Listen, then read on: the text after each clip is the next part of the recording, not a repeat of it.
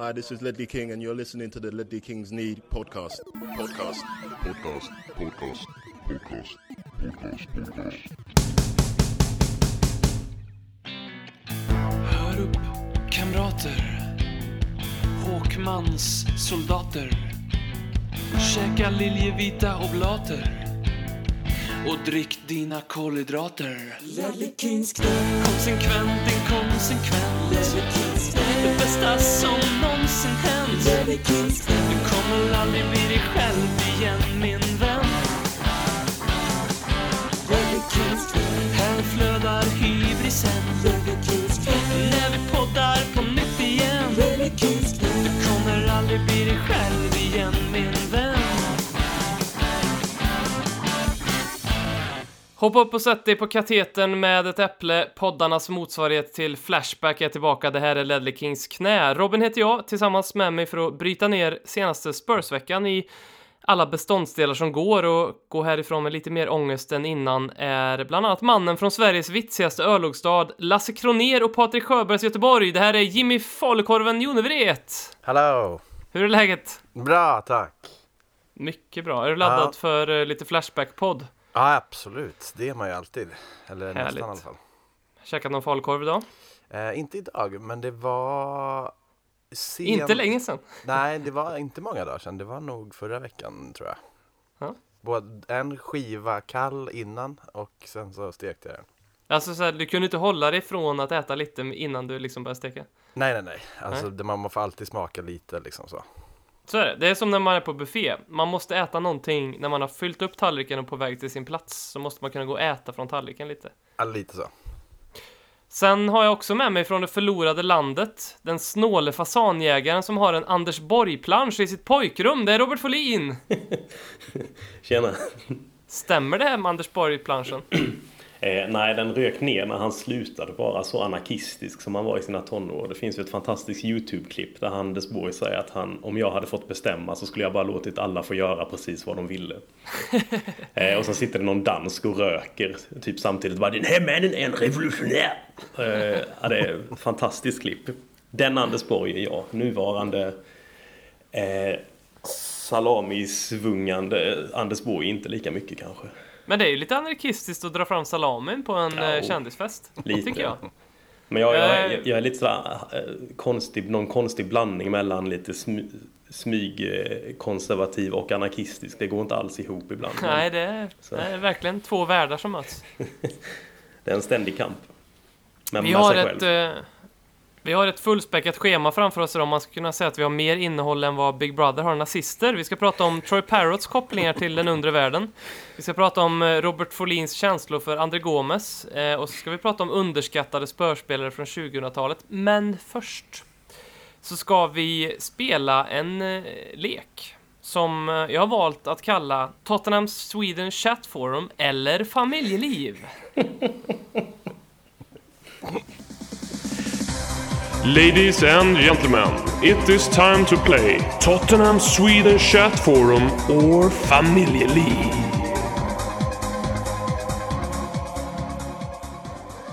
Och det är precis vad det låter som det här. Eh, ni har ju såklart ingen aning om att jag har förberett detta, så det gör det ju mycket roligare, så då har ni inte liksom haft chans att eh, förbereda er, utan det kommer vara en tävling er två emellan.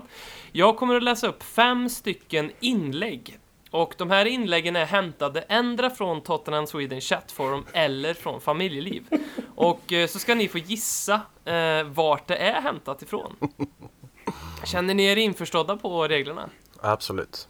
Vi ska bara lägga en liten bakgrund. Eh, och på ett sätt hatar jag mig själv för det här, men en liten bakgrund för att vi måste ändå förklara för den som sitter och funderar på vad är Tottenham Sweden Chatforum eller vad är familjeliv? Så hur skulle ni förklara, vad är Tottenham Sweden Chatforum för någonting? Ja, det är ju din skapelse egentligen. Jag har inte varit inne i det på ett par år eftersom jag inte har något Facebook-konto längre. Men det är, vad ska man säga, det är en Facebook-sida eller grupp. Eh, som liksom diskuterar Tottenham. Och som har En, en svensk. en svensk sån. Som har kanske spårat en aning. Den har spårat, men den, men den har också uppstramats, måste man ju säga. Det, det är Ja. väldigt eh, viktigt att skriva i, i rätt trådar och sådana saker där. Ehm, Jimmy, vad, om du skulle beskriva familjeliv för den som inte vet, vad är familjeliv för någonting? Alltså, jag, jag, jag vet inte om jag ska vara helt ärlig riktigt vad det är.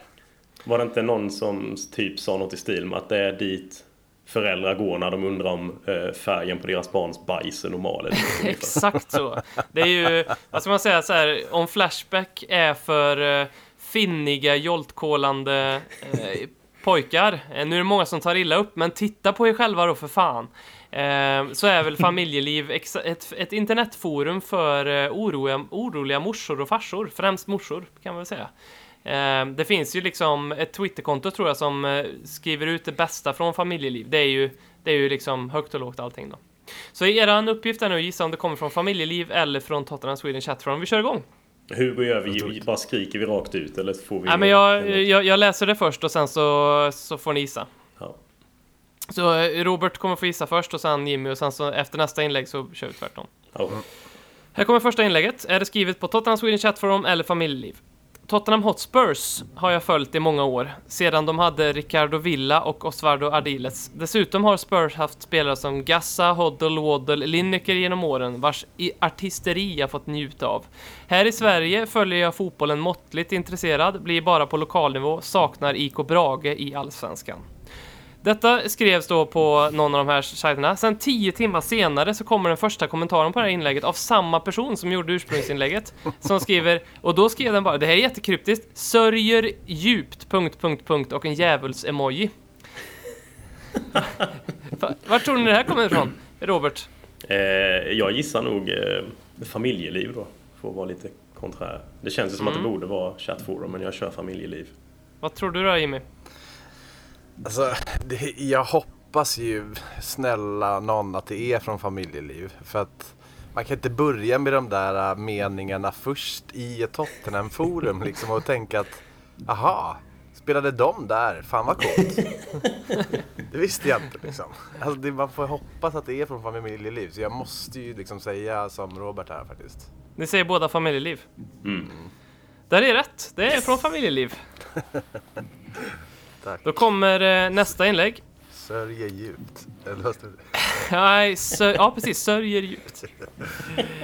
Jag kommer nästa inlägg. Ikväll blir det plankstek i Örebro. Och så kommer en bild då på en man som steker sparris inlindad i bacon. Eh,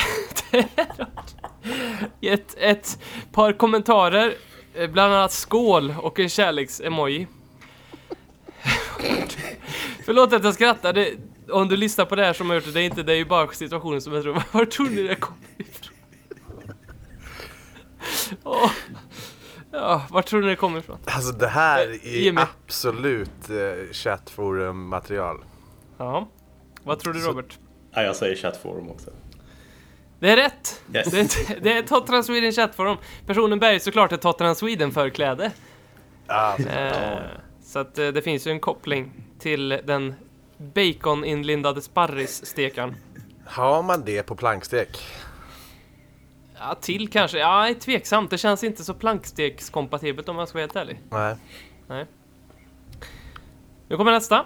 Och nu blir det lite droger. Jag röker inte cannabis, men däremot brukar jag äta bladen från plantan i till exempel sallad. I till, I till exempel sallad eller i en morgonsmoothie. Vart, vart kommer det här ifrån? Jag ska säga så här, det måste inte vara egna inlägg, utan det kan också vara kommentarer till saker. Eh, Robert, Eh, jag säger chattforum, för, mest för att jag hoppas det. är du med? Den här var ju lite knepigare men jag, jag, jag, jag, jag måste nog... Eh... Nej, jag säger familjeliv då. Ja, jag gör fan det. Det är rätt, det är från familjeliv. Det här är en tråd som en gravid kvinna har startat som har frågat om det är okej att äta cannabisplantablad nu när hon är gravid i vecka 13. Det är helt sinnessjukt. Vad är det som händer? Ja, I- Jimmy leder här nu med, med 3-2 när vi går in på den fjärde frågan. Se upp. Hur fan ska jag kunna hålla mig? Se upp med vilka chips ni stoppar i er. Det kan vara fiftat. Och så är det en bild på en påse chips. En av kommentarerna... oh, en av kommentarerna är Nu förstår man hur sjukdomen sprids. En annan kommentar är äh, det ska ju ändå bli bajs sen. Och då... Då, då, svar, då svarar någon, men, men man ska... Vi bara ska väl inte äta bajs? Ja, ja, ja, ja okej, vad tror ni? Jimmy, vart kommer, vart kommer det här potatisinlägget ifrån? Alltså man har ju tappat. Det är inte bara spelarna i Tottenham som har tappat det här om det här är från chattforum. Men det måste vara från familjeliv där. Snälla låt det vara det. Jag säger familjeliv, vad tror du Robert? Nej, Jag säger chattforum då. Någonting med något annat lag som har varit involverad i den här eh, chipspåsen tror jag. Det är ju rätt faktiskt, det kommer från Tottenham Swedish Chat Forum. Det, det är så att den här potatissorten hette Arsenal. Så det var faktiskt ganska roligt. Bra, det där måste jag faktiskt ge cred till eh, Robert. Men Jag tänkte Så att att, sjukdomen eh, hade något att göra med någon annan, något annat lag. Ja, Ja, ah, precis. snyggt, snyggt. Eh, Jag så kan då- mitt det- chattforum. Det är kanske tur att jag har tillgång till det för då hade jag blivit eh, den mest frekventa användaren där inne. Så kommer sista då. Det blir ju utslagsdrawn för det står ju 3-3 här. Nu kanske ni svarar samma så det kan ju bli en draw det här då. Men det är någon som har delat en länk från RFSU, det är ju Riksförbundet för sexuell upplysning. Och det här länken är till en artikel som heter Hur många spermier finns det i en utlösning? och till det här så är det en väldigt märklig bild. Det är två killar som står och tittar på en mobil tillsammans. Ja, vart, vart tror du Jimmy att det här inlägget är delat? Den här, den här är ju svår alltså. Den här, men jag får nog säga... Man måste säga chattforum där faktiskt. Mm. Vad säger du Robert? Ja, jag tänkte ju ta chattforum också faktiskt. Som att det är något svar på något inlägg. Ehm, men... ehm, ja, ska man säga för då blir det ju lika ifall vi kör på det. Ja, men jag kör på chattforum också för jag tror det är det. Jag tror Det gör du tog rätt i. Det har blivit eh, lika i den här tävlingen. Det här var ju eh, från dagen efter Champions League-förlusten. Som eh, en medlem i Tottenham Sweden Chatforum delade den här länken. Hur många spermier finns det i en utlösning? Och skrev ganska fyndigt ändå. Vi är en tröst, vi är alla vinnare i den största kuppen av alla, livet. Ja, Det är ganska och- fyndigt faktiskt. Det är ju kanoninnehåll det här ju. Ja, Ehm, verkligen. Ja, men jag gratulerar er till delad första plats till er båda. Ja, men den, den tar vi. Bra jobbat. Mycket, mycket bra jobbat.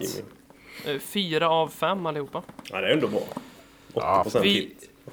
Vi eh, uppmanar såklart alla att eh, eh, registrera er både på Familjeliv och Tottenham Sweden Chat Forum. För det är som... Det är tydligt vilken krydda det ger till annars gråa livet man lever. Vi är denna vecka sponsrade av Ingenting.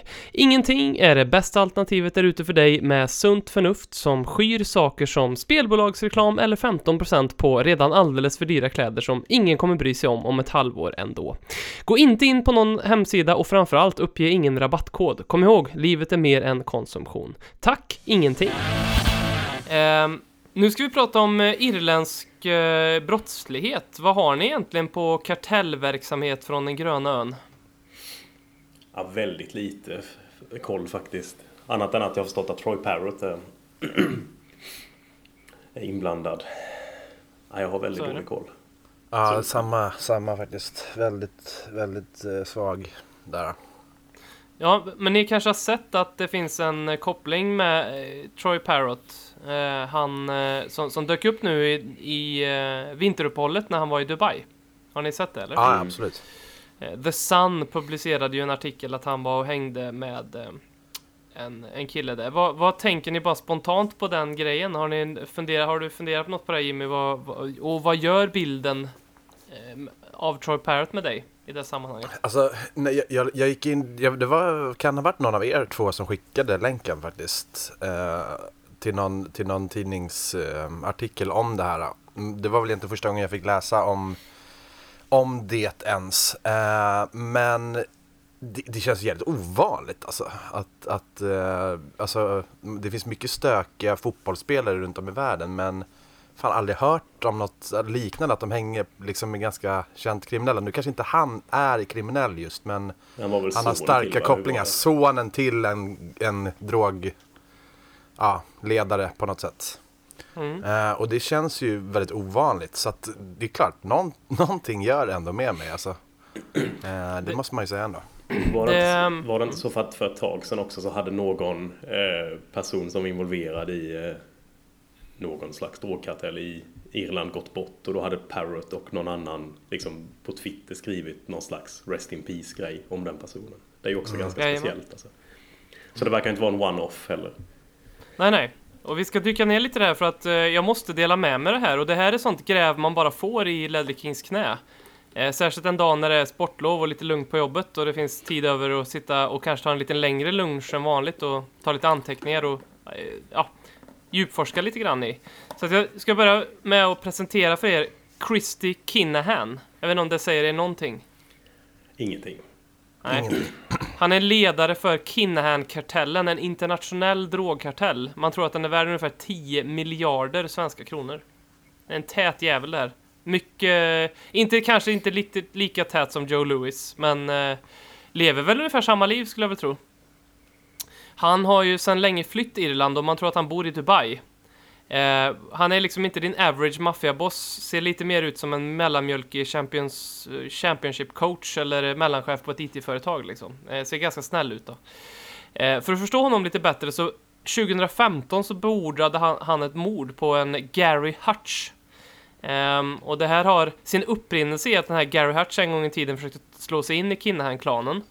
Gary Hutch rånade en bank, kom över en ganska stor summa pengar och så försökte han få hjälp då av Kinahan att tvätta de här. Men det slutade med att han blev eh, lurad på en stor del av pengarna och han ville då hämnas genom att döda Christy Kinahans son Daniel Kinahan på en boxningsmatch. Men det spårade ur som fan. Daniel dog inte, utan det gjorde en av boxarna, Jamie Moore. Så att det, man kan säga att det var ett ganska misslyckat mordförsök. Och det här kickade då igång en blodig fejd mellan Kinahans och Hutch-familjen som till dags datum har dödat 18 personer. Eh, den senaste av dem i maj förra året. En av dessa personer, yes, han som Troy Parrott uttryckte sitt stöd till på, på Twitter då. Eftersom Kinahan, eh, bland annat på grund av det här, har fått fly Irland så har eh, Liam Byrne tagit över som överhuvud på Irland. Liams eh, bror David är också en av de här 18 som har dött i den här Ki- eh, Kinahan Hutch-fejden. då. Eh, Liam Byrne finns på ett sånt här klassiskt foto som en polis tar som övervakar en maffiabegravning. Han, han bär på sin brors kista, ni har alla sett sådana bilder.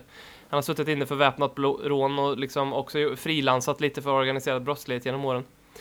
Han har tre söner, den här Liam Byrne, som alltså styr Kinahans imperium på Irland. En av dem heter Lee Byrne, Byrne och han är polare med Troy Parrott.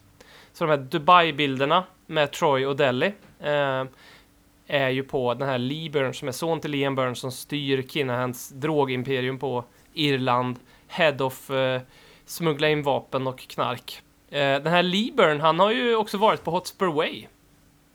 Troy Parrott bjöd in honom dit. De är polare. Vad, vad tänker ni? Det- Alltså, det, finns, det finns de som faktiskt har eh, sagt att det, det finns två läger här. Det finns de som tycker att Troy Parrott får en liten spännande bad boy-mystik över sig i och med detta. Och det finns de som också tycker att det är fullkomligt någonstans. någonstans. Vart står du i den här, Robert? Värderingen? Eh, när först när jag läste om det så trodde jag att det bara var lite Alltså någon som spekulerade. För jag vet att jag delade någon länk i vår interna chatt där jag skrev att detta är ju guld.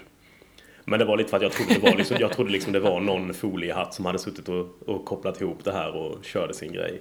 Men det, sen, sen fattade jag att det finns ju ganska mycket Alltså det, folk har ju kött på, på benen när de pratar om detta. Det finns ju verkligen jättetydliga kopplingar in och då blir det ju helt plötsligt lite mindre lustigt kan jag tycka. Med tanke på att det ändå är... Alltså det är klart det är svårt att inte skratta lite åt hur jävla bisarrt det är men... När man dyker ner lite mer i det så är det ju, det lär ju knappast vara optimalt för Parrot.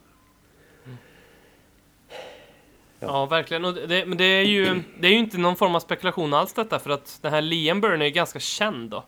ehm, på, på Irland, så att man har ju koll på honom och hans son. Hans son är ju inte dömd för någonting, ska vi säga. Och han, Nej. han lever ju i Dubai Eh, och, och kränger bilar där. Så att, och han behöver väl inte göra det för han får väl fortfarande, han får väl så jävla mycket pengar från sin, sin farsa gissar jag. Um, så att han har ju liksom rena händer men Men det, ja, det är ju lite problematiskt, eh, inte minst. Troy Parrott har ju en liten eh, historia med kontroverser. För eh, den här lunchen jag tog idag när jag grävde om allt det här, den var lite längre än så. Då hittade jag nämligen ett unikt reportage och det här är exklusivt för er och Lelle Kings knä som jag kan som, dela med mig av den här första kontroversen i Troy Parrotts liv. Han var med i en five-a-side pubturnering för ett antal år sedan för att samla in massa välgörenhetspengar. De samlar in drygt eh, 10 000 kronor. Det här var precis när han hade fyllt 16 och signat för Tottenham Hotspur. Um, de, hans lag, då den här five-a-side-laget, publaget, vann den här turneringen stort för att han öste ju in mål och de här andra deltagarna, liksom feta britter, ni kan tänka er hur, hur bra motstånd de var. De har ju bara sagt i efterhand att han bara lekte med dem. Så skulle de gå på puben efter matchen och det var då det uppdagades att Troy Parrott var ju bara 16. Och den här välgörenhetsorganisationen och allt det där de hade styrt upp var ju eh, hade de varit väldigt tydliga med att nej, nej, här måste man vara 18 år gammal för att vara med. Så att hans lag blev diskvalificerat och så bara blev det pannkaka av allt det där. Så Troy Parrott, inte helt skrupelfri. Ja. Ändå... Vad fan har man, men varför har man en åldersgräns på hur gammal man får vara för att spela i en välgörenhetsgrej? Det känns rätt konstigt. Det var väl för att de ville gå och dricka bärs efteråt antar Ja, jag. ja, ja. Så. Fick Men, han någon eh, bira då? Eller det, det lyckades du inte gräva fram? Ja, det, det har jag. Jag har mina trådar ute. Mm. Eh, Det kommer i nästa avsnitt kanske. Hur många öl drack Troy innan han åkte dit? alltså, Men det är ju ganska jag mycket tycker snack. inte ge någonting till, till Parrot det här alltså. Fan. Nu känns han lite farlig. Lite farlig, ja. Ja. Men det var någon som skrev så här att han, han spelar inte för att han är en måltavla. Liksom. Jag vet är det verkligen så? Tveksamt. Men ja, de, de, om det är 18 personer som har dödats, jag menar vad fan. De, de tar väl nära och kära liksom, tänker jag. Sen hade det varit ganska stökigt om de hade gått på Troy Parrott. Men, men, och ännu mer rampljus kring det. Men ja, jag vet fan. Alltså det är ju ett vapen för Troy att använda sig av på planen också ifall det är någon mittback som är lite hård mot honom. Sådär, gå och sparka honom på hälarna hela matchen så vänder sig om och bara du, du, du vet vilka jag känner va? Ja men verkligen. Ja, men det, är- det, det är en aspekt Jimmy som ehm, som är lite svårsmält tycker jag. Just, jag håller med om att det gör ju honom lite mer Ja, han får ju lite mer storkuksaura. eh, Får man ju säga. Men eh, hur jävla smart det är att vara med på det där fotot eh, för sin egen skull. För att jag menar, Lee Byrne som har ju säkert ett pris på sitt huvud eh, av Kinahans också. Eh, och att då eh, nypa Troy Parrott, det... Ja, det skulle vara en skalp för dem. Fan, det här skulle kunna bli... Jag säger skrota Amazon-dokumentären och kör all in på den här jävla skiten istället. Gräv som fan. Ja faktiskt. Den lär ju, inte Men vara, du- den lär ju knappast vara mer, alltså den lär ju inte vara lika deppig som Amazon-dokumentären i alla fall. A- förhoppningsvis 18 inte. döda personer till trots liksom. Så det är ändå en jävla feelgood-rulle det där. Eh, men du Folin, om jag säger André Gomes, vad säger du då? Här hoppar vi kvickt. Eh, ja, nej, jag minns knappt varför jag satt och blev irriterad på det innan. Jo, ehm, han är ju, André Gomes blev ju skadad i, var det november av sån? Det var den här tacklingen som det blev väl rött och sen så tog de bort det röda kortet efter, i efterhand va? Eh, Och han är tillbaka i Evertons matchtrupp nu. Eh, och det är ju kanon, alltså det är ju, väl, det är ju kanon att han har frisknat till så fort. Men jag tycker den här skadan har fått helt, alltså när man ser till hur folk skriver om det här så känns det som att Alltså det har, nästan tagit proportioner där det är som att André Gomes hade varit i krig och fått benet avsprängt och nu är han liksom, har han kämpat sig tillbaka i fyra år för att vara med i Paralympics och ha vunnit det ungefär. Men det är sådär, alltså hur, åh, hur stort är det att ha den här grabben tillbaka i matchtruppen? Det är sådär miljoner fans från alla lag som bara åh vad stort att han är tillbaka. Alltså det är fyra månader. Det finns väl liksom 25 spelare i Premier League som får fan så mycket värre skador varje år. Är det liksom bara för att skadan såg så jävla hemsk ut när den hände- hände? Och sen tyckte jag att Son fick, och Tottenham fick så jävla mycket skit för den skadan också. Jag- var fascinerad över att den fortfarande spinns så jävligt mycket på den. Eller det kanske bara är jag som har ett märkligt Twitterflöde, men jag tycker det har ramlat in jättemycket sånt. Mycket sån-hat har det varit, det har jag sett. Ja, men också den här att liksom, åh wow, han är tillbaka. Alltså, alltså det, jag menar ju inte det att jag menar inte att jag vill att han ska gå runt och vara skadad för evigt. Det är liksom inte det jag menar. Men det, det känns som att han har hämtat sig från något... Folk tror att han har hämtat sig från något helt sinnessjukt hemskt. Det kanske han har i och för sig, men och jag som inte fattar det. Mm. Jag fick bara lite spel. För Son har ju verkligen målats upp som någon sån här ful jävel efter den. Och jag Mm. fattar inte det alls, för det är ju en jävla... En jävla oflytstackling. Och så det, dessutom så grisade väl sig Gomes precis innan den tacklingen gjordes. Så det är inte sådär att... Ja... Vad har du numret till de här irländarna eller? Ja, men det var väl olyckligt för Son, för det var ju strax därefter så kom ju den här Rydiger-sparken och sen bara ett par månader innan så hade vi eh, utbrottet mot eh, Bournemouth var det väl när han fick rött kort. Ehm, Mm. så att, och då liksom vevades ju det och sen så vevades ju varenda gång han, han föll lite lätt, som alla spelare gör i en eh, duell, så har ju det vevats och så har ju liksom det bandats ut som att Son är eh, Premier Leagues vad ska man säga? Hans, eh, han är Premier Leagues eh, fulaste spelare liksom, eller en av de vidrigaste. Jag, jag förstår inte riktigt det, för att bara spolar vi tillbaka bandet så var han, för ett tag sedan så var det lika mycket propaganda om att han är den the nicest guy in football liksom. Ehm, Mm. Alltså just, just André Gomes tacklingen, det, det är ju o, det är ju bara otur och det, alltså de som inte tycker det är ju, de tittar ju inte riktigt med eh, ögon som man borde.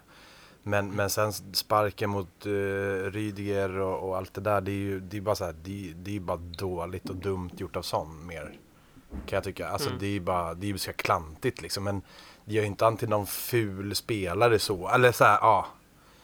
Jag vet inte. Nu när Harry Maguire i helgen sparkade någon i pungen liksom. Då var, då var det så här, ja visst det borde varit rött men det är inget snack om att åh Harry Maguire är en ful jävel liksom. Utan tänk Mm. att man, man blev lite, man blev lite färre, många blev, ser på ett annat sätt bara för att eh, sådana varit med i flera incidenter på kort tid känns det som. mm. Nej, det känns, men och det jag tänkte på kring det här också, det är lite som att reaktionerna på att han är tillbaka, det är lite som att eh, Fabrice Muamba hade kommit tillbaka och börjat spela fotboll igen efter att han fan dog på planen liksom. Det är inte riktigt på den nivån. Nej. Ja, Erik Lamela har ju ett uppehåll varenda jävla säsong på typ fyra Ja, månader för någon Jag tänkte att han är ju skada. fan skadad typ 11 av 12 månader per säsong, eller per år Ja. liksom. Och sen så ibland så rullar de fram rullstolen och knuffar ut honom på planen ungefär så får han köra. Sen krälar han upp på den efter matchen. Och det är väl ingen då som tycker att det är fantastiskt att han är tillbaka. Det skiter väl alla i. Speciellt andra lag. Mm. Men är det så att vi eh, bara är jävligt illa omtyckta nu? Är det därför? Ja men eh, det, det här är väldigt kul att du säger för att det, vi fick väl en fråga om det tror jag. Viktor Lindholm eh, skrev in till oss och, och, och frågade Har vi blivit ett osympatiskt lag? Jag tror att många ser det så. Jag tror faktiskt det. Men det, alltså, det kan ju vara med sådana såna situationer, just som med sån där, att många blir irriterade och så, så är det klart att vi sitter och på något sätt försvarar det och ja, typ mot Rydiger, det, var, det försvarade väl inte så många, det var ju bara idiotiskt. Den mot Bournemouth är ju tyngre några månader, alltså förra säsongen i slutet där. Den är ju mer så här, ja, han blev, det blev framprovocerat liksom, även fast man inte kan reagera så. Sen tacklingen mot Gomes, det, det, det är väl sådana saker som gör att andra supportrar ser en på det sättet. Eh, men, men, eh, ja, jag vet inte. Men samtidigt har man inte jättemycket emot att vara illa omtyckt heller. Jag tycker det är, Nej, jag älskar det alltså. det Kör är bara bra. Alltså då är man ju relevant på något vis. Trots att man är Exakt. värdelös. På plan så. Ja, det hade varit så skönt. Det, hade varit lite roligare om vi var lite, lite bättre bara. Ja. Om vi liksom hade en stabil fjärdeplats typ och så sitter Arsenal och United och de och gråter bakom. Det känns så här, ja, det, det, det hade varit roligare. Nu blir det så här, fan, vi är för dåliga också. På något sätt. Ja, ja, vi är dåliga vi får ingenting utav, utav det på något sätt. Nej men man får ju förvänta sig det lite, men för att om vi spolar tillbaka North så är det ju mer eller mindre samma trupp som vi har eh, det laget som första året då vi, kanske 15-16 säsongen, eventuellt säsongen innan, men i alla fall 15-16, då, då tyckte de flesta att vi var supersympatiska. Och alltså Mm. vart jag än gick så sa ju folk så här, ja ah, fan jag håller på Spurs, ja jag- fan charmigt alltså, jag gillar verkligen Spurs, det är mitt andra lag i, i England. Det, så, så sa nästan alla liksom, för att vi, vi hade en, en eh, lite ny manager, vi hade ett ungt lag som inte hade någon historia egentligen. Så. Men, men jag blir också jag minns ju Battle of the Bridge och en fotbollsträning jag var på efteråt. Så jag nästan liksom, jag nästan fick däng för att jag höll på Tottenham bara för att Tot och, och då, Men då var jag å andra sidan stolt, för då, då hängde det ihop med att Tottenham var bra och vi tappade titeln och vi bara liksom gick ut för att ber- berserka. Då, då kände jag så här, ja, fuck you guys, jag håller på Spurs liksom.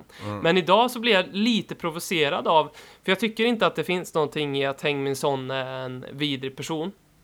Jag kan se att folk stör sig på Dele Alli, för att jag kan tycka att han ibland eh, vi ska komma in på honom strax, men jag kan tycka att han ibland spelar och agerar lite på gränsen. Han har ju en tendens att eh, filma på ett sätt som eh, är lite Ja. provocerande. Jag tycker han gör det i varje match. Han, han spelar på gränsen han har gjort några sådana här lite, vad ska man säga, han har fått lite ryck ibland i vissa matcher. Sen är en spelare som har, som har flugit helt under radarn här, det är John Vertongen och där förstår jag inte varför inte folk är mer irriterad på och stör sig på, för det är en slug jävel kan man säga. Alltså, så mycket fulspel han gör på planen som han kommer undan med har varit jättemånga situationer genom åren i Tottenham där han har gjort liksom, eh, där man har sett replays, nu, nu skulle han aldrig klara det på, på grund av VAR, då, men man har sett, eh, ja, ehm, repriserna på vad han har gjort och, och man tyckte oj, det där är nog ett rött kort eller det där är nog straff eller någonting liksom. Men det är väl därför han har kommit undan det kanske, för att han är så slug att det inte riktigt plockas upp så snabbt heller som... Nu är han så slug så att till och med VAR missar det liksom. Så Ja, att, för eh, han är inte i närheten av... Till och med Christian Eriksen missade till och med, så slug han. Men vad, vad tycker ni egentligen om Dele Allis eh, reaktion eh, när han blev avbytt mot Leipzig? Eh, vissa har, Lukas Strömberg har till och med skickat frågan till oss, är det, kan det vara läge framöver att gå skilda vägar här? Alltså, det ja, Jag, jag tycker det är skönt på något sätt att man blir förbannad när man blir utbytt sådär. Framförallt när i en CL-åttondel och man ligger under och han har spelat skit. Liksom, och det fattar han också. Jag tycker det är, fan, visa känslor, det är bra. Sen att det blir det som han gör, det blir nästan lite för mycket på något sätt. Men inte fan ska han gå ut där och le liksom, utan det är ju helt rätt att han blir förbannad. För det ska han ju vara. Han var ju helt värdelös. Tottenham hade det jobbigt och det är en Champions League åttondel på hemmaplan liksom. Det, det är bra att han visar känslor, men man får kanske ta det ner ett steg liksom. Det är ändå fint att det har tagit en, eh, ungefär en halvtimme in, så här, veckan efter två stormatcher, innan vi börjar prata om fotbollen. Älskar det. Ja, men om vill man ha spelarbetyg och reaktion på matcherna, då får man vända sig någon annanstans. Eh, här är det mycket mer, eh, här är vi högre upp i värdekedjan om man. Ja, men jag håller väl med Jimmy till en viss del där att eh, man vill ju se någon reaktion. Och sen så visst det kanske spårar lite. Men då får det göra det nästan hellre att det är åt det hållet än att han liksom skulle sätta sig och börja skratta eller sådär. Ta upp mobilen och börja Ja men snappa precis. med någon. Ja. Det enda problemet jag har med det är att det kan, att det, vi ser handlingen och det blir Hela världen ser handlingen, det blir filmer på det, det, det, det debatt kring det som Som han Förutspå är ju svårt att säga, man borde ha professionaliteten och veta att gör jag det här så blir det skriverier om det. Sen så, jag hade hellre sett att han hade gått ut efter matchen och tweetat att eh, jag är väldigt besviken med min insats, att vi förlorade sådär. För att när han gör sådär, visst, man kan välja att tolka det att det är för att han har spelat skit och vi har spelat skit. Men man kan också göra tolkningen och säga att nej, han är förbannad av att bli utbytt och det, det skadar ju laget lite grann. Det skadar ju Mourinho framförallt och det skadar ju liksom bilden av Tottenham som ett sammansvetsat gäng, tänker jag. Mm, alltså, det, jag, Eh, jag tror många ser det på, på det sättet. Att han blir förbannad att han blir utbytt. Skit i det här nu, jag vill lämna eller något sånt. Mm. Jag tror många ser det på det sättet alltså. Um, vi spelat två fotbollsmatcher. Um, han, Mourinho fick ju stämpeln gammal gubbe. Har han ens någonting kvar att leverera när han skrev på? Ehm, Jesper ifrån Parrots Pågar, våran WhatsApp-chattgrupp, gå med om du inte redan är med det för fan, skriver att Mourinho har eh, kommit taktiskt snett i nästan alla matcher. Är gubben lite over the hill? Eh, den, den som jag tycker han har satt, alltså rent taktiskt, bäst eh, mot lite bättre lag är ju Liverpool. Då förlorade vi ju den ändå, men där tyckte jag faktiskt vi hade en rätt så bra plan. Eh, Det är väl det som är problemet i många av de här matcherna. Eh, vilket är oroväckande, för jag tror jag har sagt det tidigare, att det man vill få av att ha Mourinho är ju en tränare som, som verkligen kan hantera stormatcherna. Det har ju varit hans expertis lite innan, han har ju liksom kunnat komma med ett lag i kassform till en hård jävla bortamatch. Ehm, men ändå lyckas liksom gneta till sig ett poäng där. Ehm, och nej, det har ju inte suttit alls bra i många av matcherna. City är väl lite, alltså... Ja, där är ju inställningen jävligt bra och att vi liksom, där krigar vi ju oss till poängen till slut, har lite flyt med att de blir utvisade med, eller får en utvisning. Eh, Men liksom United borta och båda Chelsea-matcherna och jag tycker ju Leipzig nu också är ju katastrof. Eh, På alla vis egentligen, inte bara Mourinhos fel heller. För jag menar, det är ju vissa saker han inte kan, alltså den professionella fotbollsspelaren inte kan slå en pass på ett par meter ibland så är det ju det, är, ja, det, det kanske man kan anklaga, det kanske man kan säga att det är hans fel också för de skulle inte spelat men val, hans alternativ är ju inte skitbra heller. Det är så, alltså, för vi, på något sätt vet man ju också hur han har spelat genom åren. Uh, och och det, det, det är ju inte alltid jävligt kul, men som, sen han kom och tog över Tottenham så har han ju ändå fått med sig poäng. Uh, och det tar man ju gärna emot. Sen att det ser lite halvtråkigt ut ibland, visst, men något behövde ju hända. Vi har ju fått mer poäng, men, men, men också när, när det blir förluster som nu i helgen mot Chelsea till exempel. Och det ser ut som det gör. Helvete vad det inte är roligt att se på då alltså. Gusten Dahlin som eh, har gästat den här podcasten eh, skrev en rolig tweet eh, om, eller rolig, men eh, en tweet som fick mig att tänka lite. Han, han gnällde lite på Mourinho och skrev eh, att han bara borde parkera bussen och bevisa att gammal är äldst. Ehm, och jag kan förstå vart han kommer ifrån lite grann, grann, Gusten, här för att jag tycker att jag, jag, jag känner att eh, Mourinho har ju liksom alltid hyllats som den stora taktikern. Eh, och när, sen han kom till Tottenham så tycker jag att det som har varit tydligast är att det inte finns någon taktik överhuvudtaget. Utan det känns som att det mer han har jobbat med, det är att få eh, spelarna att kriga. Inte nödvändigtvis kriga och ha kul, utan snarare kanske kriga eh, för att nästan din karriär hänger på det. Eh, för det, det, det, det är ju inte något det känns inte som att de här killarna har kul när de spelar fotboll, men det känns samtidigt som, också som att de vill undvika en förlust till varje pris. Så det är som att han har liksom installerat någon form av ehm, vilja till, eller vad ska man säga, fruktan till förlust istället för liksom vilja att vinna och spela bra fotboll.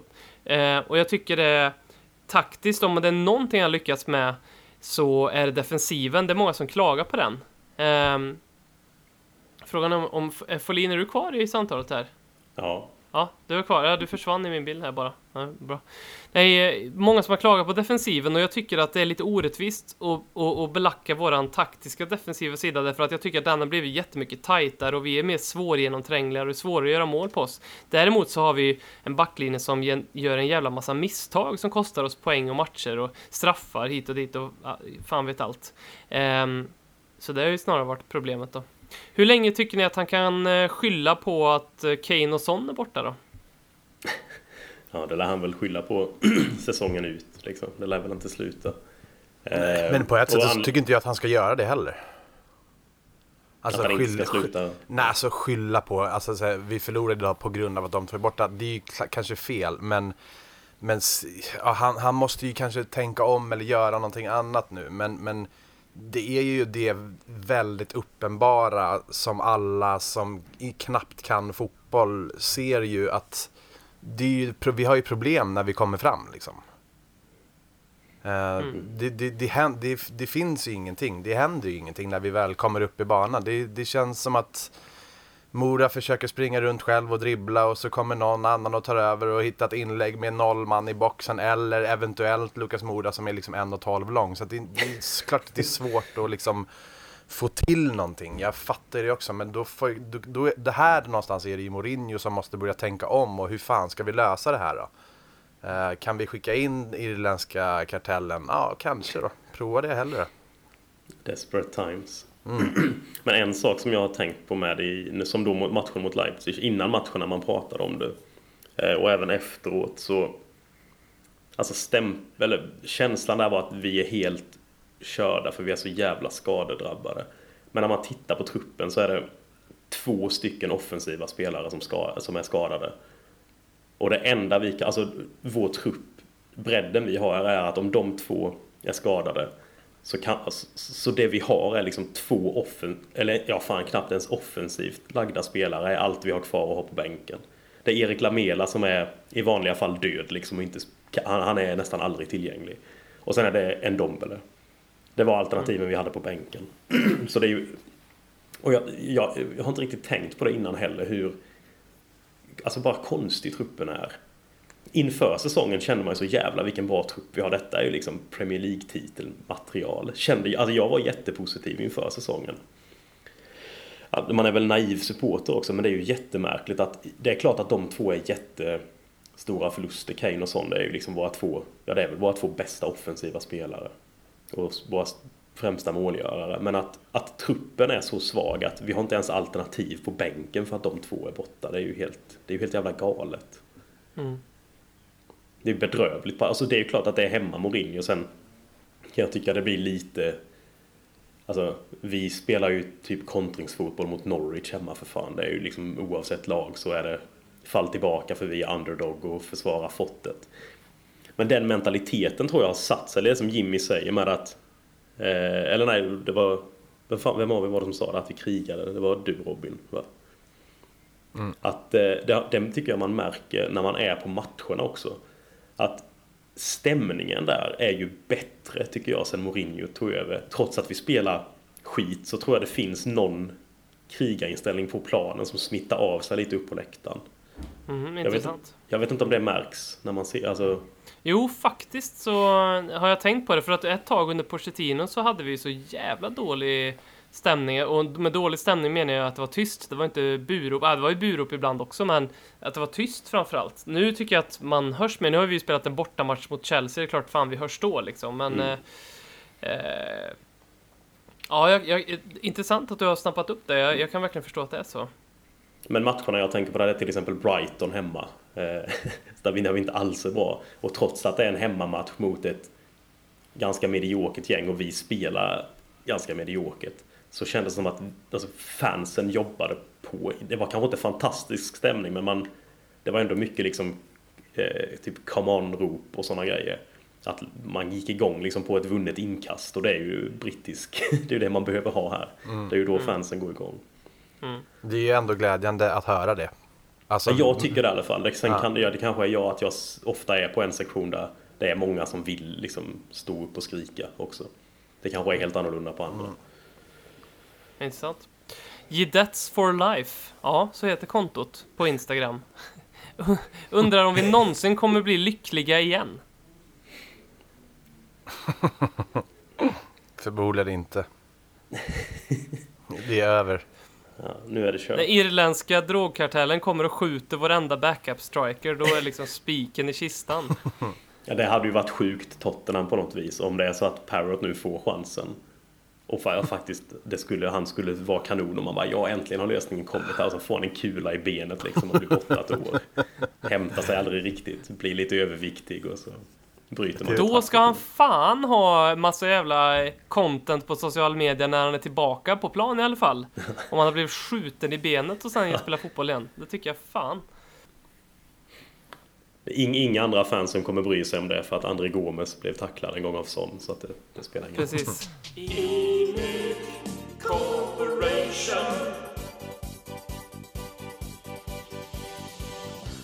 Are you looking for a stable financial partner? Do you like watching paint dry on a wall? And do you value financial prosperity over success in sports? In that case, you're very welcome to invest in the Enoch Corporation today. Ett nystartat Twitterkonto som heter Erik Lamelas armbåge. Eh, mycket välkommet och mycket bra. Jag frågar, en djupt filosofisk fråga här. Hur kritiskt är vårt läge om vi missar Europaspel? Jag vet inte vad ni tycker, men jag skulle nog säga väldigt kritiskt. Det är ju lätt att tänka lite grann såhär, ah, vad skönt det vore att slippa jävla Europa League och Champions League ett år och bygga om truppen och spelarna får vila lite grann ett år. Harry Kane skulle må så jävla bra utav det, etc, etc. Men tyvärr så är ju inte fotbollen bara, bara sport längre, utan det är ju den ekonomiska delen. Det skulle vara fatalt tror jag. Eh, titta på den nya arena vi har byggt som eh, genererar så otroligt mycket mer viktig omsättning på oss på matchdag så drar du bort alla liksom, de intäkterna från, eh, som uteblir när vi inte spelar i Europa. Och sen givetvis tv-pengarna också som bara eh, försvinner. Um, det är ju det som man pratar väldigt mycket om nu, att det är väldigt kritisk säsong för Arsenal att klara Europa. Klara Champions League framför allt eftersom att man har gjort ganska stora investeringar i Peppe. Det gick ju bra. Eh, och andra spelare här nu. Eh, så, som de behöver, de behöver få tillbaka valutan från Champions League-pengarna då. Mm, ja, men det är, just pengafrågan är ju jävligt viktigt, även om det är Europa League eh, som det handlar om. Eh, och som du säger, intäkterna, tv-pengar, intäkterna under matchdagar och sådär. Det, det, är klart att det är viktigt som fan. Sen kan man ju tänka att fan vad skönt det hade varit att slippa Europa League en gång, bara fokusera på ligan. Men eh, ja, det, det, känns in, det känns inte som att det är den vägen vi ska gå på något sätt. Även om det är Europa League och den är inte är lika spännande så känns det ändå som att spelarna behöver ju också de här Europamatcherna för att liksom, ja, för, för, för, sitt, för att det ska vara kul att spela fotboll helt enkelt. Mm. Sen var inte lite av eh, något som, som möjligen var Pochettinos problem var att han gjorde det så bra utan investeringar i truppen. Så det finns ju också en risk att om det bara blir, om blir det Champions League igen så kanske det finns mindre incitament att investera i truppen så som det behövs. Det kan ju finnas någon slags blessing in disguise att om vi missar, i alla fall Champions League, Europa League ger väl pengar också men inte lika mycket. Att eh, det blir något slags läge där, där Levi känner att ah fan, vi måste nog hosta in lite här ändå för att reda upp detta. Men vet du, jag, jag tror ju att jag tror ju att det snarare skulle göra att Danny Levy inte hostar upp pengar för att han är ju väldigt så, har varit i alla fall, liksom, han vill inte ta, han tar ju 0% risk liksom. Um, eller 1% då. Men köper han en spelare så, så är ju det till absolut lägsta summa. Vi har ju gått miste om väldigt många spelare för att på, på, bara ett par miljoner. Jack Grealish är ett bra exempel. Vi, hade jätte, vi var nära att värva honom för, vad var det, 4 miljoner pund och så ville Aston ville ha 6 miljoner pund och då tyckte Daniel Levy att nej, det blir inget av liksom. Nu är det ju väldigt lätt att säga för oss i efterhand att det var ett idiotiskt beslut eftersom att um, det var då när Jack Grealish spelade i Championship och nu har det ju visat sig att han har utvecklats till en fantastisk fotbollsspelare. Men jag tror ju någonstans att han, jag tror att Daniel Levy kommer att investera i truppen så som vi önskar. Han kommer inte köpa de här 80 miljoners pundspelarna, men han kommer fortsätta värva de här 30 till 50, 60 miljoners pundspelare som faktiskt är rätt viktiga för oss. Så länge som det finns eh, pengar längre bort, det vill säga Champions League-pengar, tv-rättigheter eller cuppengar att hämta. Då kommer han göra det. Så jag, jag, jag, jag tror snarare tvärtom att missar vi Europa, då kommer han satsa mindre, eller på ett annat sätt rättare sagt. Då får vi de här Ryan Nelson och Louis Saha-värvningarna. Kan ju också bli kul i och för sig. De. Ja. ja. Jag är rädd för det också. Hasse, Hasse Angerfist, ett fantastiskt namn. Eh, ville att vi skulle prata lite om Lo Celso som klev fram som ett svin när det behövdes. Eh, vad tycker ni om Lo Celso-incidenten lite från Chelsea-matchen senast när han satte dobbarna i Aspilicueta? Ja, det är rätt sjukt att det tog så lång tid för honom att få ett gult kort. Han hade, och det som är sympatiskt med det är att han hade ju passat in ihop med Eric Dyer på Battle of the Bridge. Verkligen. Så att det är positivt. Men det är härligt att se, alltså, för jag hade lite tanken i början på säsongen ah. att han var lite, att han var lite, eh, liksom, inte vek kanske, men det verkade som att det kom lite smågnäll från hans håll om att ja, jag får inte spela och bla. Det är skönt att se någon då som fan kan bli lite förbannad med att bara köra. Mm. Ja, jag är positiv. Jag tycker också det. Det är också sjukt att det inte blir rött. ja, det är ju vansinne. Lite rolig banter från Nej, men Mourinho alltså- som eh, stod så nära och sen, eh, alltså det finns en bild på när Mourinho står typ två meter från inci- incidenten och sen efter, i intervjun efteråt så säger han så här, "Nej, jag såg inte det där så att jag kan inte uttala mig om det. Nej, men det där, det där behövs också. Och när det är lite tungt då måste någon kliva fram. Man kanske inte ska försöka ta ett rött kort men något måste ju hända i alla fall. Så sånt där är det jag bara hylla på något sätt. Vi, vi behöver Lamela och Lo Celso-inställningen. Daniel Platt skrev till oss att vi skulle behöva bygga vårt lag kring argentinare och det ligger väl fan någonting i det tror jag. Ja, Vi har verkligen. ju sparkat en manager men ehm, Ja, Lamela och Lo, Lo Celso är lite grann den fotbollsspelaren som man trodde att Lamela var. Eh, tycker jag, Ja, kanske. en gång i tiden. Ja, men faktiskt. Och så kan vi ta Messi då när vi ändå håller på. Som är lite Han är väl ledig snart va? någonting trevligt. Ja, jag tänker det. Efter... Han får väl lämna när han vill i och för sig. Vi ska eh, avsluta här med två lite lättsammare frågor för nu blir det så jävla deppigt här. Torleif Eklund undrar vem som är 2000-talets mest underskattade Tottenham-spelare. Alltså, Mm. Lamela är ju underskattad på många, många sätt tycker jag. Alltså att han är, han är jävligt viktig att ha och, och för inställningen och för laget. Sen är han för mycket skadad och sådär. Alltså det, det är svårt kanske att säga det som ett svar. Men han är ju så jävla värdefull många gånger när han spelar. Uh, så att uh, i närtid och nutid så vill jag ändå säga han på något sätt. Jag vet inte fan, ja. Jag hade nog sagt, eh, eller jag säger nog Moussa Dembele tror jag. För han, jag tycker han har fått rätt mycket i efterhand, men liksom inte riktigt under tiden kanske. Ja. Och han är ju fortfarande en sån som, när man ser tillbaka på den perioden där han var som bäst, så har han ju... Han har spelat med spelare som Bale och Kane och Son som tar mycket mer av eh, eh, strålkastarljuset. Jag tycker nog ändå att, jag tror, jag tror man själv också underskattade hur jävla bra han var. Ja, jag tror, inte- jag tror inte att vi förstod hur bra han var. Alltså vi visste Nej. att han var jävligt bra, men herregud vad bra han var alltså. Mm. Kan, kan eh, en Dombele bli en ny Dembele? Alltså jag tror en Dombele kan bli bättre än Dembele. Om han bara får någon jävla, liksom... Vad, vad händer med hans kropp liksom? Det är, det är något som är allvarligt fel. Han, det ser ju så konstigt ut också när han spelar och tar slut och är halvfet efter varje uppehåll liksom. Så att får vi bara lite... Det, det kan ju inte liksom, vara lite roligt för honom att spela fotboll alltså. Nej, Ja, men jag tycker, det känns ju inte som det. Man bara går runt och känner sig halvskadad hela tiden. Det är ju jättekonstigt. Men herregud vad bra han är när han är bra liksom. Mm. Så att Ja, de att han 20 kan bli- minuterna han orkar spela är han ju skitbra. Ja, så att bara får man Men- i ordning på hans kropp så... Det var en sak som jag har funderat på också. Nu går vi tillbaka lite till det här deppiga kanske. Men det, jag ska fatta mig kort. Om att eh, när man har pratat om Mourinhos taktik och grejer. Ibland så funderar jag på om det har något att göra med truppens fitness att vi spelar som vi gör. För ni vet när Mourinho tog över så var det ju flera matcher i rad där vi spelade, då spelade vi skitbra första timmen. Och sen släppte vi in två mål i slutet av matchen för det såg ut som vi inte orkade längre. Nu är det snarare tvärtom, att vi spelar ganska, alltså jävligt destruktivt och defensivt första timmen. Och sen slår vi om sista 30. Och han, hade, ju- han sa ju det i någon intervju med att nej, men vi kan inte spela så hela matchen som vi gör på slutet. Men vad fan skulle det komma ifrån? För det är ju, alltså Pochettino var ju känd för, åtminstone i början, att, att vi var ett jävligt fysiskt starkt lag som orkade med grejer. Mm. Är det bara att spelarna har blivit gamla och inte orkar längre? Eller är det...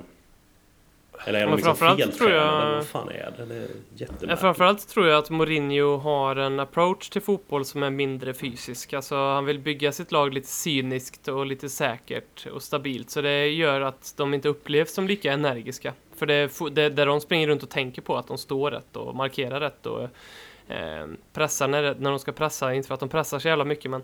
Eh, och, sen så tror jag att det, det är väl det som Hans plan är väl någonstans att eh, försöka grinda ut resultat nu för att han tycker väl truppen är så jävla dålig. Och sen så i de matcherna då när vi, när vi som, eftersom att vi har, eftersom att det begås individuella misstag så, så släpper vi in några mål och det som händer då är att han måste ju ta tag i det och då får vi den där energin som finns där kanske hela tiden. Men det man väl blir frustrerad över är varför finns inte det där hela tiden? Du tror med att det är takt, alltså taktiskt sett att han konserverar? Ja, jag tror det. Jag tror det är mer så. Ja, jag gick Men, men, på om det eh, var något att de liksom inte orkar en hel Mm. match.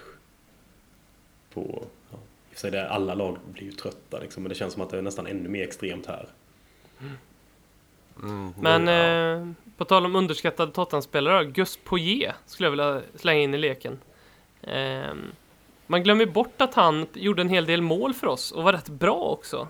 Eh, I Tottenham. Eller minns ni han?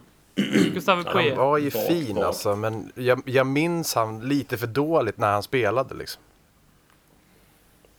Han var Han är ganska en sån mål, spel- målfarlig va? Var han inte det? Ja, 18 mål gjorde han på typ två och en halv säsong eller så. Och då var ju han ja, men central innermitt, en sån spelare vi verkligen skulle behöva nu. För en poängspelare från mitten. Vill också minnas honom som jävligt slitstark spelare som bara liksom sprang jävligt mycket. Och känns ganska sympatisk. Lite sådär en mindre fet Lampard. Exakt, väldigt bra liknelse. Det finns ju en Chelsea-koppling också med Poe så att... Eh. Sen eh, sista frågan från Mr Frodo. Vad tycker ni om Bergvins halstatuering? Alltså han behöver ju ha den. Han ska ha den. Det är helt rätt. Sen vad det är för någonting, det vet jag inte. Men han, han passar bra i den. Han, det, ja, han ska ha den. Bra. Ja, jag håller med. Eh, den, den, den har sin plats där. Vad är det Har på ni den ens? Jag har fan ingen aning. Men jag är Jag vet- jag vet inte. Det känns rätt liksom. Men eh, har ni sett eh, Bergvins pappa? Han var väl Han med på bilden vi- va? Någon gång. Någon av de här första bilderna som kom ut när han hade signat. Han stod och såg skitnöjd ut. Ja, då såg han ut som verkligen så här riktigt så här pappa följer med sonen på fotbollsträning och Ja. är jättestolt, jätteglad. Men det finns ju bilder på Bergvins pappa. Jag tror vi har lagt upp det på vår Instagram i alla fall, kanske Twitter också får göra det. Men han sitter på en bar någonstans, eh, barbröstad och har supermycket tatueringar. Väldigt eh, organiserad brottslighet det ser det ut att vara. Men det behöver ju absolut inte vara, för det kan man ju, tatueringar har ju inget med det att göra. Men, eh, det är en torso som inte går för hackor. Nej. Härligt. Ja, det känns det ju inte som när man såg de här bilderna. För det var ju som du sa, väldigt så här stöttande pappa som alltid skjutsar frivilligt till alla bortamatcher. En tumme upp pappa, en sån som man Ja. som alltid står vid sidlinjen och gör tummen upp så fort man tittar dit. Bra Stevie, bra! Ja. Som avslutning vill vi ge en shoutout till Spurs-podden. En ny svensk Sp- Spurs-podcast. Vi tycker det är jätteroligt med alla initiativ i och kring Spurs-Sverige. Särskilt om man vill interagera med oss. Eh, det är inte alla som vill det och det är också helt okej. Man kan låtsas som att vi inte finns. Det är också okej för när man, när, vi, när man vill att vi ska finnas så finns vi där.